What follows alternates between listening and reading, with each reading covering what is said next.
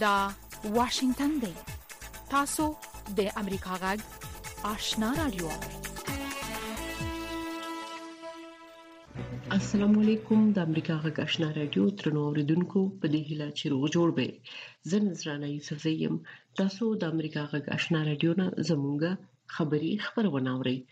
قدرمن اوریدونکو د خبرونې په سر کې پام وکړئ خبرونه ده السلام علیکم درنو اوریدونکو تاسو د امریکا غږ آشنا رادیوونه خبرونه اورئ د سمنګان ولایت مرکز ایبک یوې دینی مدرسه کې چاودنه شوې لس تنه وژل شوي او یو شمېر نور زخمیان دي د طالبانو د کورنیو چارو وزارت ویان عبدالنافع ټکور نن د چهارشنبې پر ورځ په خپل ټویټر پاڼه ولیکل چې یاده چاودنه په یوه دیني مدرسه کې د ماسپښین د لمانځه په وخت کې شوې ده او قربانیان یې د مدرسې زده کوونکي دي ویل کیږي چې دغه چاودنه په مرکز ایبک کې د الجهادیه په نوم مدرسه کې شوې ده خو تر اوسه یې د نوعیت په اړه معلومات نه دي شریک شوي. بلخوا د سمنګان ولایت دپاره د طالبانو حکومت د اطلاعاتو او فرهنګ رئیس امدادالله مهاجر امریکا غږ ته وویل چې په دغه چاودنه کې پنځلس کسان وژل شوي دي او یو شمېر نور ټپیان شوي دي. تر اوسه نه دي معلوم شوي چې دا بمي چاودنه به چا کړې.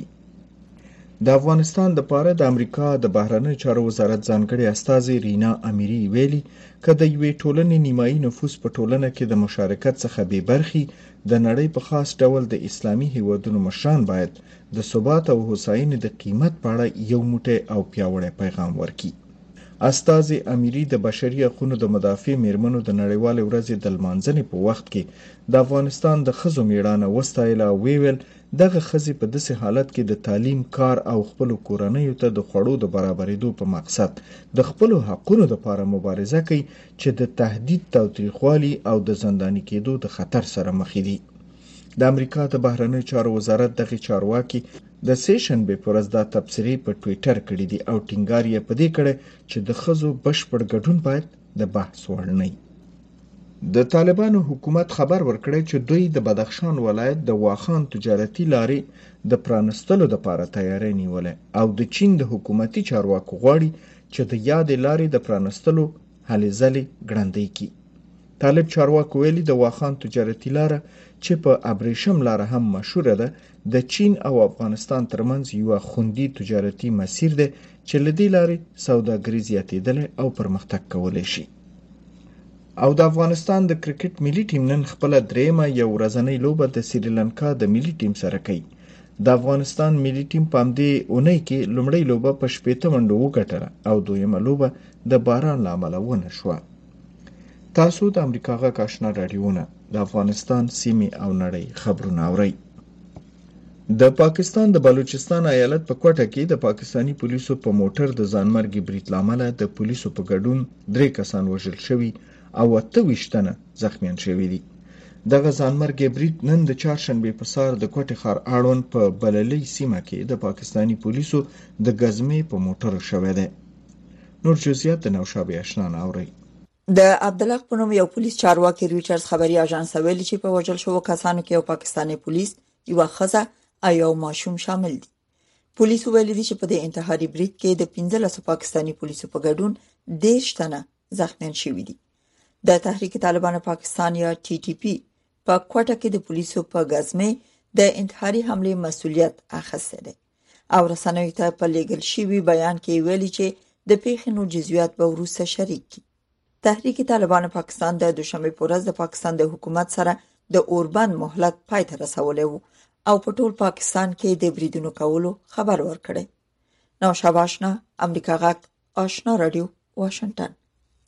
د امریکا د دفاع وزارت د سې شنبې پر ورځ په یو راپور کې ویل ممکن تر 2015 میلادي کال پورې د چین اټومي وسلې څه باندې درې برابره او 1500 اټومي بمونو ته ورسیږي دغه راپور چې د سې شنبې پر ورځ خپور شو پکې د چین د هوایي ځواک مخ په زیاتیدونکو قوت یادونه هم شوې ده واشنگټن بیجینګ د امریکا د ستر رقیب په توګه بولي او د چین د پوځ په اړه په دې کلني راپور کې د چین د اټومي وسلو او هم دغه هیواد د پوځ پرمختګ یادونه پکې شوې. د امریکا د بهرنیو چارو د وزیر انټوني بلینکن په ګډون د ناټو خارجه وزیرانو په خپله غونډه کې ډېری خبرې د هغو کمزورو هیوادونو سره په مرستې کولو وکړې چې د ثبات په اړه یې اندېښمن دي. په دې مجلس کې د اوکراین د جګړې له امله د انرژۍ د بحران موضوع هم یاده شوې ده. د ناټو سازمان د خارجه وزیرانو د نن چهارشنبې په دې مجلس کې چې په بخارست ښار کې وشو، د ملدووا، ګرجستان او بوسنیا او د کاندید غړو فنلنډ او سویډن وزیرانو هم پکې ګډون کړی و. اروپايي مشران اندېښمن دي چې د اروپا په جنوبي او ختیځ اړخ کې پراته هېوادونه به د ناټو سازمان او اروپايي اتحادیه کې د غړیتوب ترلاسه کولو انتظار له دې زیات ونه شي زغملی او کېدای شي روسیه او چین له دې فرصت په ګټې پکې خپل اثر او رسوخ زیات کړي او بې ثباته پاتې شي. بلخوا د روسیې د دفاع وزیر نن چهارشنبه ویل مسکو به په دوه زره درویشت میلادي کال کې په اټومي وسلو سمبال ځواک لپاره ځانګړي تاسیسات او ځایونه جوړ کړي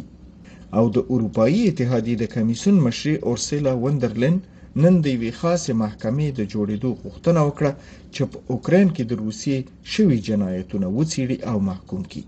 میرمن وندرلین د داسې یوې محکمې د تشکیل غوښتنه کړې ده چې ملګري ملتونه یې باید ملاتړ وکړي او په اوکراین د روسیې د يرغل ټول جنایتونه وڅیړي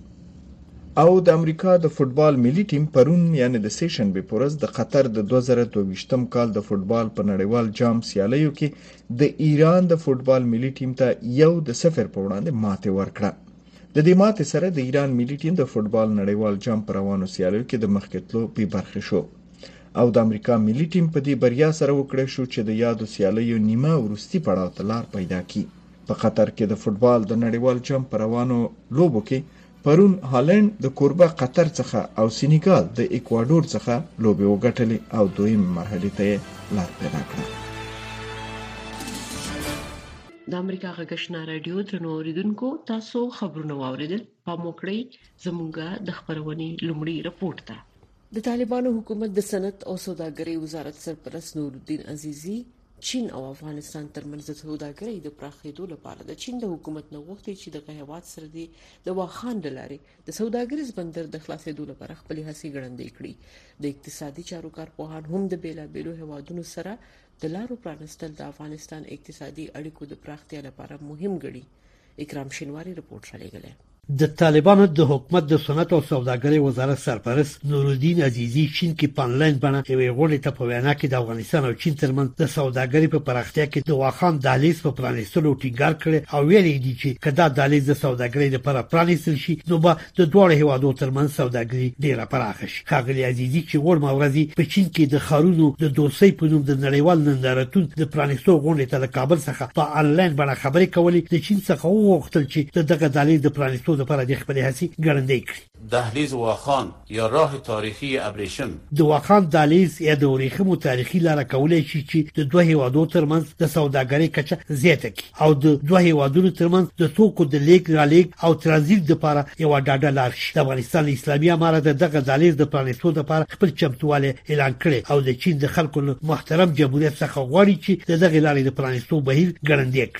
تصفیې بخشن. د صنعت او سوداګرۍ وزارت سرپرست دې غونډې ته په وینا کې د چین د هغې پرېکړې هم ستاینه وکړه چې افغانستان ته یې په اته نوي فیصده وارداتي توکو ګمرکي مالیه صفر ته راکمه کړې ده. ښاغلي عزیزي وویل چې د طالبانو د حکومت اقتصادي کمیسیون هڅه کوي چې د خپلو ګاونډیو هېوادو په ځانګړي ډول چین سره د سوداګرۍ په برخه کې خنډونه له منځه یوسي او د خپلو ګاونډیانو سره سوداګري پراخه کړي. د صنعت او سوداګرۍ وزارت د رپورت لمخې ښاغلي عزیزي ویلي چې افغانستان د طبي زیرمو یو ډک هیواد دی او چین د کانونو د ایستلو په برخه کې د پراخه تجربو لمخې کولی شي چې دا هیواد د افغانستان په یو ستر سوداګریز شریک باندې بدل شي هغه د چیني سوداګرو وغوښتل چې افغانستان ته سفر وکړي او په دغه هیواد کې د پانګې اچونې فرصتونه وڅېړي د اقتصادي چارو کارپوهان وایي، د افغانستان د ګاونډیانو سره د تګ راتګ او سوداګرۍ لپاره د سرحدونو پرانیستل یو یا دوه ګاونډي هېوادو باندې د افغانستان د اتکا د کمېدو سبب ګرځي او دننه په هېواد کې د اقتصادي ودې سره مرسته کوي. د اقتصادي چارو یو کارپوه عبدالنصیر رښتیا وایي، افغانستان په وچه کې پروت هېواد دی چې له امله یې دا هېواد د سوداګرۍ په برخه کې تل د جدي ستونزو سره مخ کیږي و قبلا که افغانستان متکی به یګرا بود خغلی رښتیا ویل د مخه چې افغانستان د سوداګرۍ په برخه کې پر یو هیواد اتکا لرله کله به چې هم ورسره اړیکې خړې پړې شوې هغوی د دغه لارو څخه د فشار دالې په توګه کار اخیست چې لامل افغان سوداګرو ته په میلیونونو ډالر زیان رسیده افغانستان متضرر میشه د یوې پروسې کلو کې د تیل رژیم پر مهال هم د ایران د چابهار له لارې هند سره او د منځنۍ اسیا د څو هیوادو سره د سرحدي لارو د پرانیستو وروسته بهرنیو هیوادو سره د افغانستان سوداګرۍ وده کړې حالا که دهلیز واخان قرار است ښاغلي رښتیا وویل اوس چې ټاکل شوی د واخان دهلیز پرانیستل شي او د دې لارې چین سره سوداګري وشي پرته له شک څخه چین یو ستر اقتصاد دی او کولی شي افغانستان کې د سوداګرۍ په وده کې او د افغانستان د اقتصاد په وده کې اساسي رول ولوبوي د اقتصادي چارو دا کارپوه چې افغانستان یو وارداتي هېواد دی، چین سره د سرحد په پرانېستلو سره به د دغه هېواد صادرات هم وده وکړي. چین د مخه ویلي چې د یو کمربند یوې لارې په ابتکار کې به افغانستان هم شامل کړي، خو تر اوسه په دې اړه په رسمي ډول کوم تړون یا تفاهم لیک د دواړو هېوادو ترمنځ نه دی لاسلیک شوی. د طالبانو حکومت د صنعت او سوداګرۍ وزارت، سرپرست د واخان د دهلیز له لارې د چین سره د سوداګرۍ د پیلېدو دا غوښتنه په داسې حال کې کړې چې لا هم د بدخشان ولایت د مرکز فیض اباد او د واخان ولسوالۍ ترمنځ سړک په اساسي ډول نه دی جوړ شوی د 2019 میلادي کال په سر کې د تیر رژیم پر مهال د نړیوال بانک په 14 میلیون ډالرو مالي ملاتړ د فیض اباد او واخان ترمنځ د 50 کیلومترو اوږد سړک د جوړولو کار پیل شوی خو لا هم دا سړک نه دی بشپړ شوی طالبان حکومت ویلي چې د دې سړک د بشپړېدو لپاره به ژر کار پیل کړي د امریکا جغ آشنا رادیو ډیرو درنو اوریدونکو سر لنن څخه د امریکا جغ آشنا رادیو خبرونه په نو څپو خبريږي په منځني صفه 1290.0 په لاندو څپو 11515.0 او 902 کیلو هرتز د امریکا جغ آشنا رادیو اوریدلای سي. د افغانستان لپاره امریکا د بهرنیو چارو وزارت ځانګړې استازې رینا امیري د افغان میرمنو وضعیت ته په اشاره وایي که د یوې ټولنې نیمایي نفوس په ټولنه کې د مشارکت څخه بې برخې وي د نړۍ په ځانګړي ډول د اسلامي هیوادونو مشران باید د ثبات او هوساینې د قیمت په اړه یو موټی او پیاوړی پیغام وړاندې کړي میرمن امیري په داسې وخت کې د افغان میرمنو د وضعیت په اړه څرګندونې کړې دي چې کابل ته په بهرنیو چارو کې د پاکستان د دولت وزیر هینا رباني کر د سفر نه وروسته زیات شمیر افغانانو په ټولنیزو رسنیو کې سخت برغون خوده دی وای طالبان د میرمنو سره دوه ګونی چلند کوي پام وکړئ د رپورت ته په کابل هوایي ډګر کې د هینا رباني کار ته د منتظرو طالبانو د تشریفاتي هرکلی ویډیو او د طالبانو د بهرنی چارو د سرپرست وزیر امیر خان متقی سره د لیدنې انزورونه چې مېرمن کار ته موسکۍ موسکۍ کېږي، د ټولنیزو رسنیو د کاروونکو ډېر پام خپل کړی دی. پاکستان په دې کار سره غواړي نړۍ ته وښيي چې دوی په افغانستان کې د ښځو د کار، تعلیم او ټولنیزو حقونو ملاتړ کوي، خو برعکس څنګه چې په خبرونو کې راغلل، نو بېخي باوري شوم چې حنا به د پاکستان د امنیتي، اقتصادي او سیاسي ګټو له تعقیب نه پرته د ښځو د حقونو په اړه طالب مشرانو ته هیڅ بل پیغام به نه وي راوړي. د طالبانو پلویان بیا دا یوه سیاسي اړتیا بللې او وایي چې افغانان خپل قانون پر میلمنو نه پلي کوي. د افغان میرمنو شبکې هینا رباني کار ته په یو پرانیستي لیک کې لیکلي، د یو اسلامي هیواد د وزیرې په توګه چې د افغانستان په ګاونډ کې یاست او له طالبانو سره د پاکستان پخوانیو او اوسنیو اړیکو ته په کتو د یوې دقیقې لپاره فکر وکړه چې د افغانستان مرمنې چیرته دي او طالبان باید دا وګوري چې خزه په سیاسي ډګر کې مسلمانو هیوادونو مغمره نمائندګي کولای شي څومره افغان خزه حق لري چې په دغه ټولو مسایل ملي مدني سیاسي کې حق ولري په تاسف سره چې په افغانستان کې د حقونه د خزو نسل سوي دي دا ویډیو او انځورونه کې د شپنړې کې نور خلکو ته ډیر معمولی ښکارا شي خو زیات شمیر افغانان وایي طالبانو په دې ډول د میرمنو په وړاندې دوه ګونه چلند کوي میرمنکر عینکې په سترګو نازک ټکری پر سر له الوتکې راکته شوه او د طالبان د حکومت استاذ ته لاس په سینه ږدي او روغبړ کوي طالب چرواکي خندا په خلا او لاس په سینه ورته خرغلاس وایي پاکستان کوشش کوي چې په دې حساس وخت کې کابل ته د میرمن رباني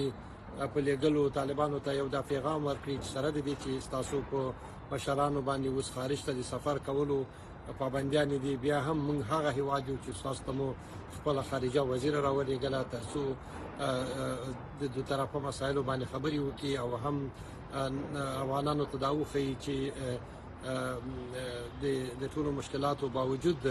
اوس هم موږ د افغان طالبانو حکومت سره سره د دې چې په رسمیت نه پیژنو خو بیا هم ښه روابط لرو د طالبانو منتقدین وایي دوی پردیو ښځو ته لاس په سینه ولاړ دي خو خپل لوڼي ښوونځیو ته نه پرېږدي هنا ربانی به او خاطر امروز که از تیاره تا شد کوشش کرد که چادر نداشته باشد تا به دنیا نشان بده که پاکستان یک کشور آزاد است دموکراتیک است یک زن وزیر است و یک زن میتونه سلوک به کابل بیاید بنام این زن ستیزی هایی که در کابل وجود داره این اندیشه و باورهای طالبان افغانی است نه سیاست های پاکستان خو د پاکستاني ټولنیزو رسنیو ځینو کارونکو میرمنکر ستایلې چې د دوی په وینا له ډېرو سخت دریځو طالبانو سره په خپل سټایل کې کتلي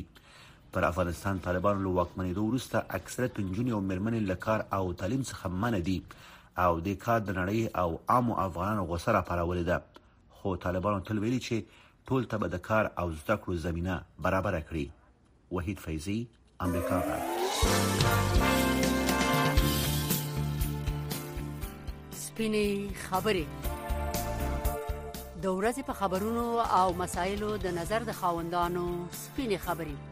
او د اوریدونکو نظرونه هر ماښام د اتو بجو نه تر نه بجو پورې د امریکا غږ آشنا رادیو یو ساعته پښتو او دری خبرونه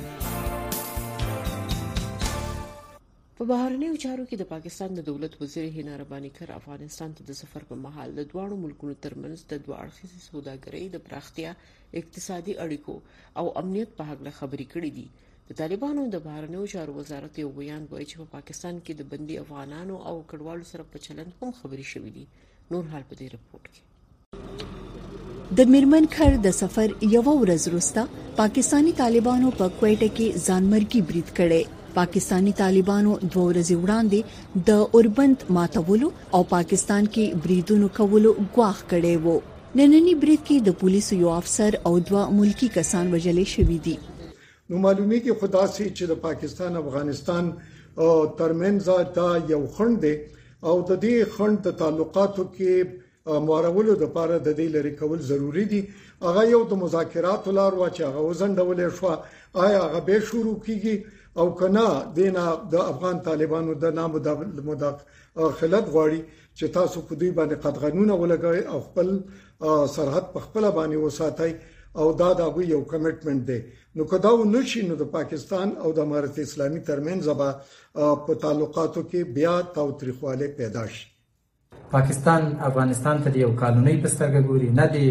سټیټ ټو سټیټ د دولت دولت ترمنځ رابطه په هغه سټیج کې نه ده نو چې داسې وي او هینا ربانی هم تس لاس راغله تس لاس لاړه نو د دې سفر به څه فائدہ وي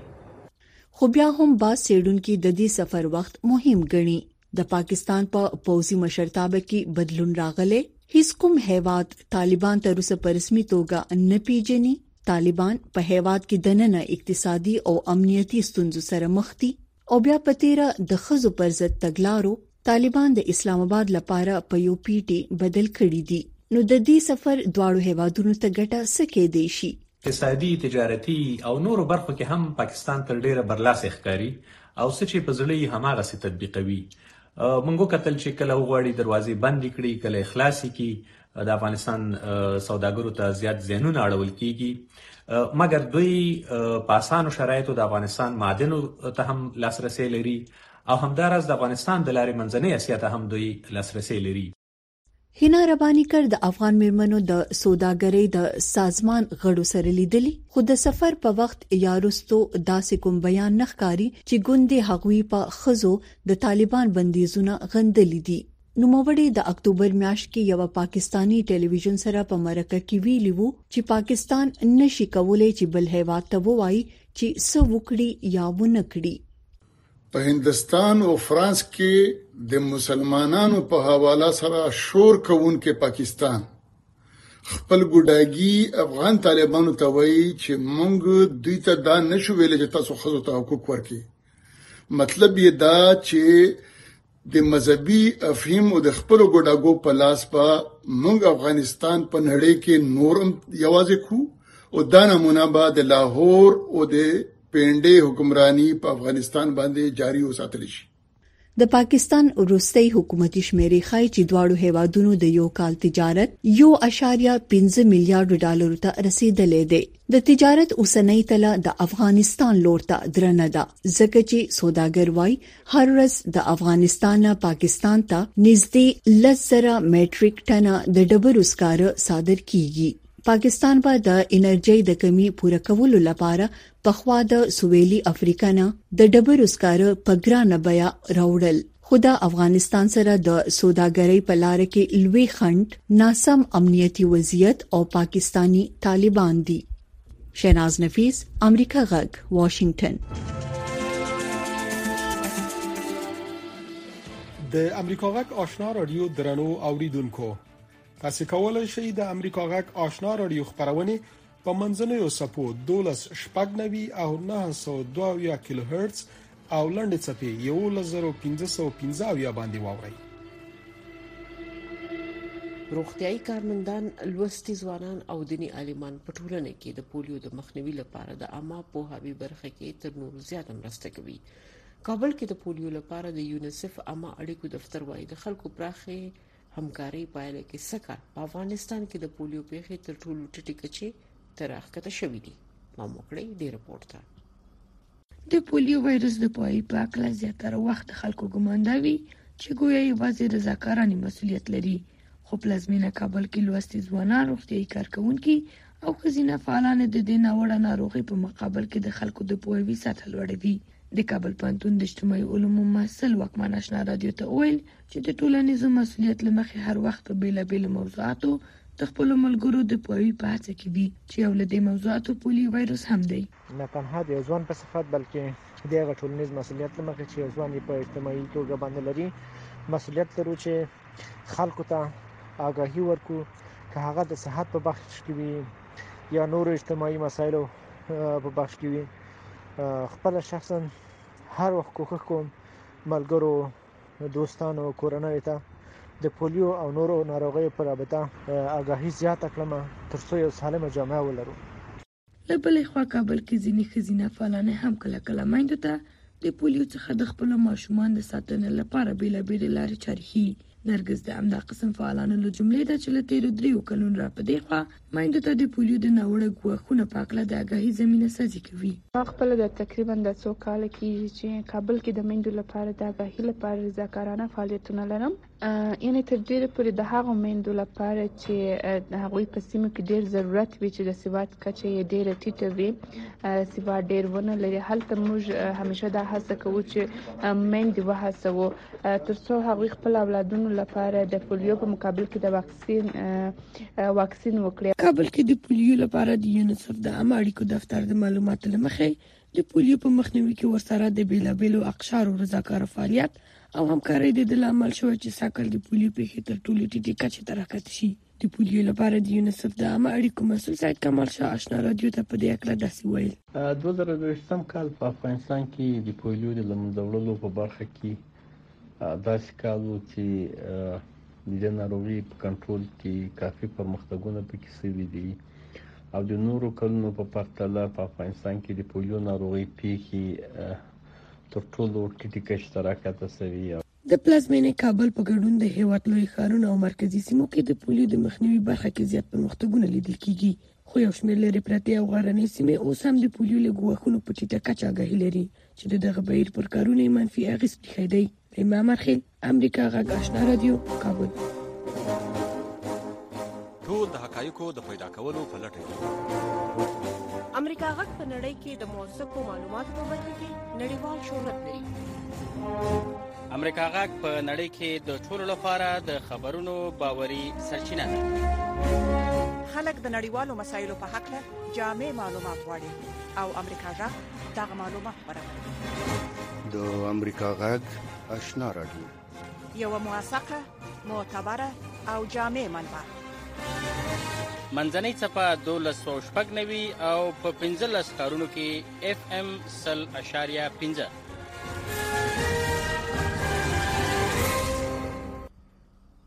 د امریکا د فوټبال ټیم د قطر د نړیوال جام پر روانو لوبي کې د سشنبه پورز د ایران د فوټبال ټیم ته په یو صفر ماتې ورکړه په دغه سیالي په ایران کې د وروستیو مظاهرو او دواړو هوادونو اوږدمهاله سیاسي کړکېچ سوري غوړول دي امریکایان او ایرانیان په نیویارک، لاس انجلس او تهران کې د دغه لوبي نندارې ته راوتلي وو. په مخکې دی رپورت ته د امریکا د فوټبال د ټیم یو شمېر مینوالو په قطر کې د 2022م کال د فوټبال د نړیوال جام په سیالیو کې د ایران د فوټبال ټیم په وړاندې خپل یو پر صفر بریا ولمنځله د امریکا ټیم په دغه بریا سره د جام دوهمې برخې یا پایلوبې ته لار وموندله له دوه زره او څوارلسم کال راهیسې دا لومړی ځل دی چې د امریکا ټیم پایلوبې ته لاره مومي.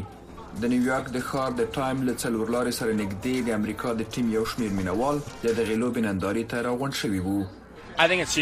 زه فکر کوم دا یوه لویه بریا ده. زموږ ټیم ډېر ځوان دی او ښه راتلونکې لري. بل نړیوال جام په څلورو کلونو کې راتلونکی دی دا زموږ لپاره د امریکایانو په توګه یو ښه شیبه ده موږ په راتلونکو کلونو کې د پرمختګ د دوام لپاره د مهمو تجربو ترلاسه کولو ته ضرورت لرو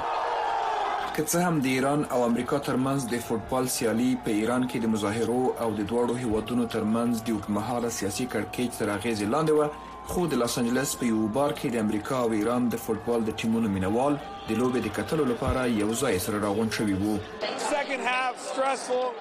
دوهمه نیمایي اوس باید درې پر صفر وای خو په هر صورت نتیجه په کافي اندازه ښه وه.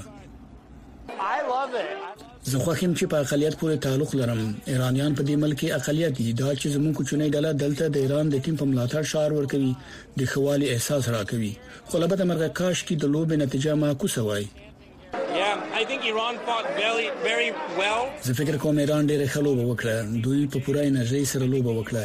زه فکر کوم د امریکا ټیم هم ښه وځلید خو زه د ایران په ماتې خپه یم هیله لرم چې ایران له همدومره انرژي سره بل نړیوال جام تراشي زه د ایران د ټیم ډیر لوی مینوال یم زه د دوی په لوبغاړو ویاړم د امریکا د متحده ایالاتو ولسمشر جو بایډن د سې شنبې په ورځ د قطر په نړیوال جام کې د ایران په وړاندې د یو پر صفر بریا له امله د امریکا د فوټبال ټیم وستایه. بایډن چې د مشیګن په ایالت کې له یوې فابریکې څخه په لیدنه بوخت و، بیرته ستیج ته ولاړ او ټیم ته یې مبارکي وویله.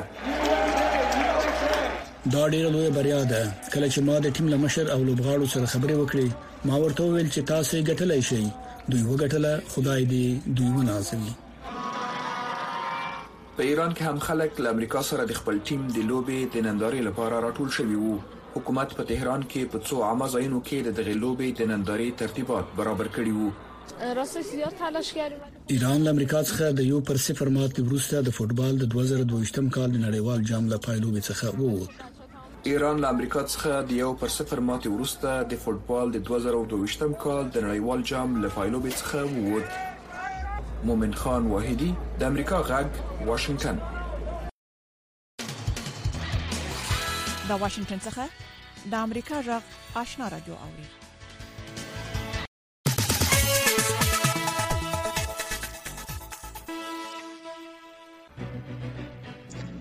د سامنګان ولایت مرکز ایبک یوې دیني مدرسې کې چاودنه شوې لسنه پکې وژل شوی او یو شمېر نور زخمیان دي د طالبانو د کورنۍ چارو وزارت ویان عبدالنافع ټکور د چهارشنبې پر ورځ په خپل ټوئیټر باندې ولیکل چې یاده چاودنه نن په یو دیني مدرسه کې د ماسپخین د مانځه په وخت کې وشوه او ټول قربانیان یې د مدرسې زده کوونکي دي. تر اوسه نه دي معلوم چې دا بمي چاودنه چا کړې ده.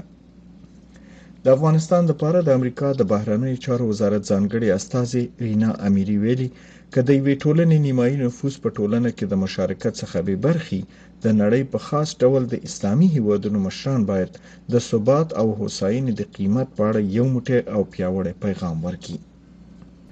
د طالبانو حکومت خبر ورکړی چې دوی د بدخشان ولایت د واخان تجارتي لارې د پرانستلو لپاره تیاری نیولې او د چین د حکومتي چارواکو غواړي چې د یادې لارې د پرانستلو هلې ځلې ګړندۍ کړي. او په نورو خبرونو کې د پاکستان د بلوچستان ایالت په کوټه کې د پاکستاني پولیسو په موټر د ځانمرګي برید له امله د پولیسو په ګډون درې تنه وژل شوي دي او اته ویشت نور زخمیان دي. د امریکا د دفاع وزارت د سې شنبې پر ورځ په یو راپور کې ویل ممکن تر 2015 میلادي کال پورې د چین اټومي وسلې څه باندې درې برابره یعنی 1500 اټومي بمونو ته ورسیږي د امریکا د بهرنیو چارو د وزیر انټونی بلینکن په ګډون د ناتو خارجه وزیران په خپل غونډه کې ډېری خبرې د هغو کمزورو هیوادونو په مرسته کولو وکړي چې د ثبات په اړه یې اندېښمن دي په دې مجلس کې د اوکراین د جګړې له امله د انرژۍ د بحران موضوع هم یاده شوې ده.